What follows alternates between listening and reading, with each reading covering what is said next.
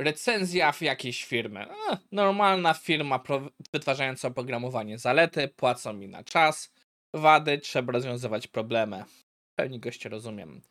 A w dzisiejszym odcinku JetBrains AI Assistant. Czy jest coś wart i czy ma szansę z Copilotem od GitHuba? Czas zacząć.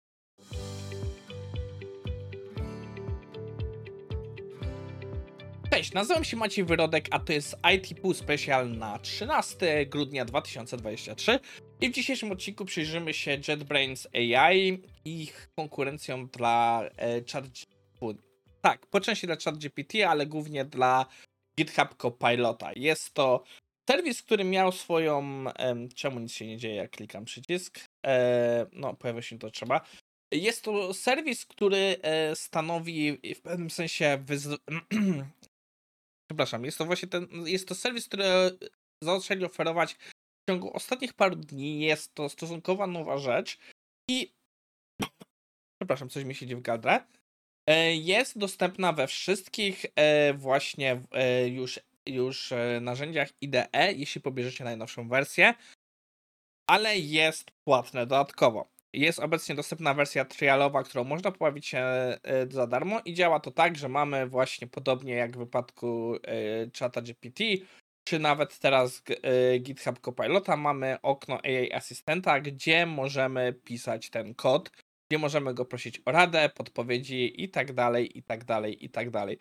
Teraz wam odpalę wideo, wideo jak się tym bawiłem i i em, no, ale zanim do tego przejdziemy, chciałbym wam pokazać narzędzie, które gdzieś się przewinęło u nas Find.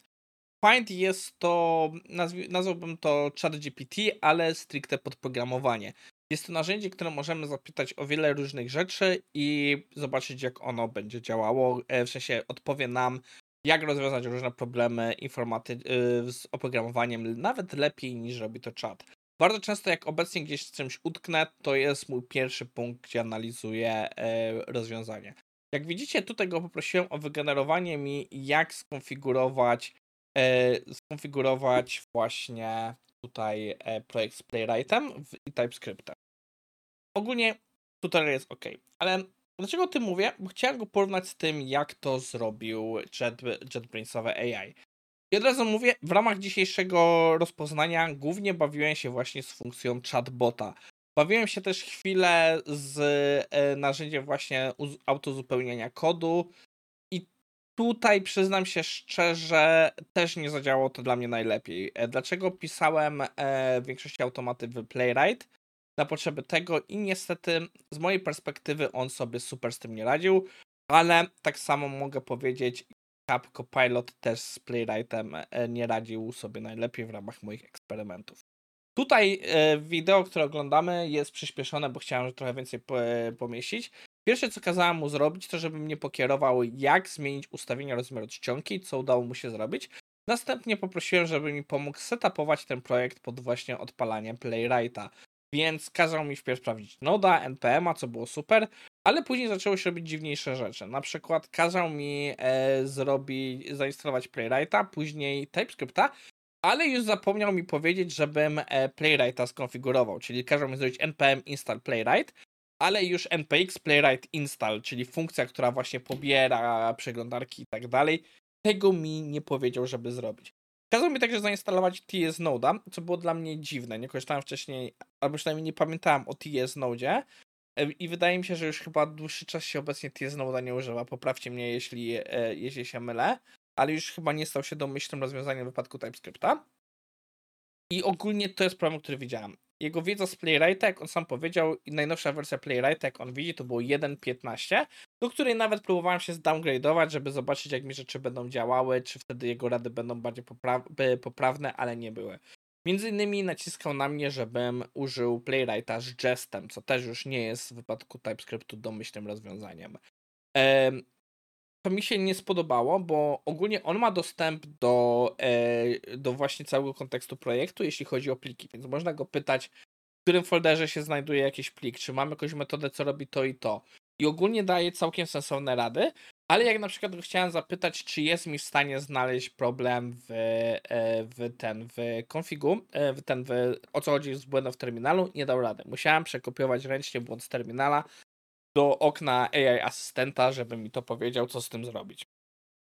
Pytałem go też o różne porady, jeśli chodzi o pisanie testów i część rzeczy było sensownych, ale na przykład jak już prosiłem go, żeby, jak już zacząłem mówić o napisaniu testu, upierał się na robienie konsol loga i zamiast sensownych asercji. Nie rozumiał kontekst, że to ma być test, tylko po prostu myślał, że to chce się przejść prze, po stronie. No więc, jaka jest moja obecna opinia na temat tego narzędzia? Powiem tak. em, próbowałem dostać się informacje do. A może jeszcze raz zerknę, bo może coś przeoczyłem. Do cennika, ale nie było to dla mnie w pełni jasne, jaki jest jego obecny cennik. E, obecnie jest on w wypadku, przepraszam, zakupu miesięcznego, jest to 10 euro na miesiąc, co jest o wiele niżej, jeśli się nie mylę, niż Copilot. Chwileczkę zobaczę Copilot Price. E, Copilot obecnie koszt, kosztuje wersja miesięczna 4 dolce? Copilot poszedł w dół?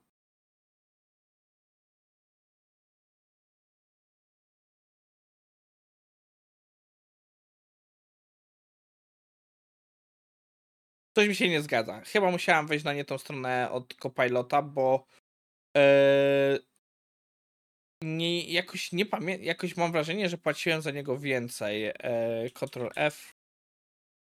Copilot. Tak. Jest 10 dolarów miesięcznie, czyli jest cena taka sama. I przyznam się szczerze, w tym wypadku nie jest to cena konkurencyjna. Dla mnie, e, żeby to miało wartość, to musiałoby być dużo tańsze. I widzę potencjał, widzę możliwość tego rozwoju, ale no dalej e, królem na tronie jest Copilot. Czy będę na to patrzył, co się dalej z tym wydarzy? Tak. Jeśli na przykład w jakichś pakietach Enterprise byłoby to dawane za darmo w zamian za to, że oni będą się uczyć na tych projektach, myślę, że mają sporą tenden- mogą mieć sporą szansę, żeby zrobiło się z tego coś ciekawego, ale chyba jednak jeszcze trochę potrwa GitHub Copilot będzie miał faktyczną konkurencję. No więc to tyle w dzisiejszym odcinku. Dajcie znać, czy wy się bawiliście JetBrains AI i co o tym sądzicie. Bo fakt, że ja wybrałem, ja wybrałem celowo narzędzia do automatyzacji, bo mam wrażenie, że większość tych tuli jeszcze sobie z tym nie radzi. I to mnie umocniło w tym przekonaniu, ale jeśli się bawiliście to na przykład na waszym normalnym projekcie w PHP, w C Sharpie czy coś takiego, to dajcie znać, bo jestem ciekaw jak to wam się sprawdziło. To tyle i widzimy się w następnym odcinku IT Morning. Do zobaczenia.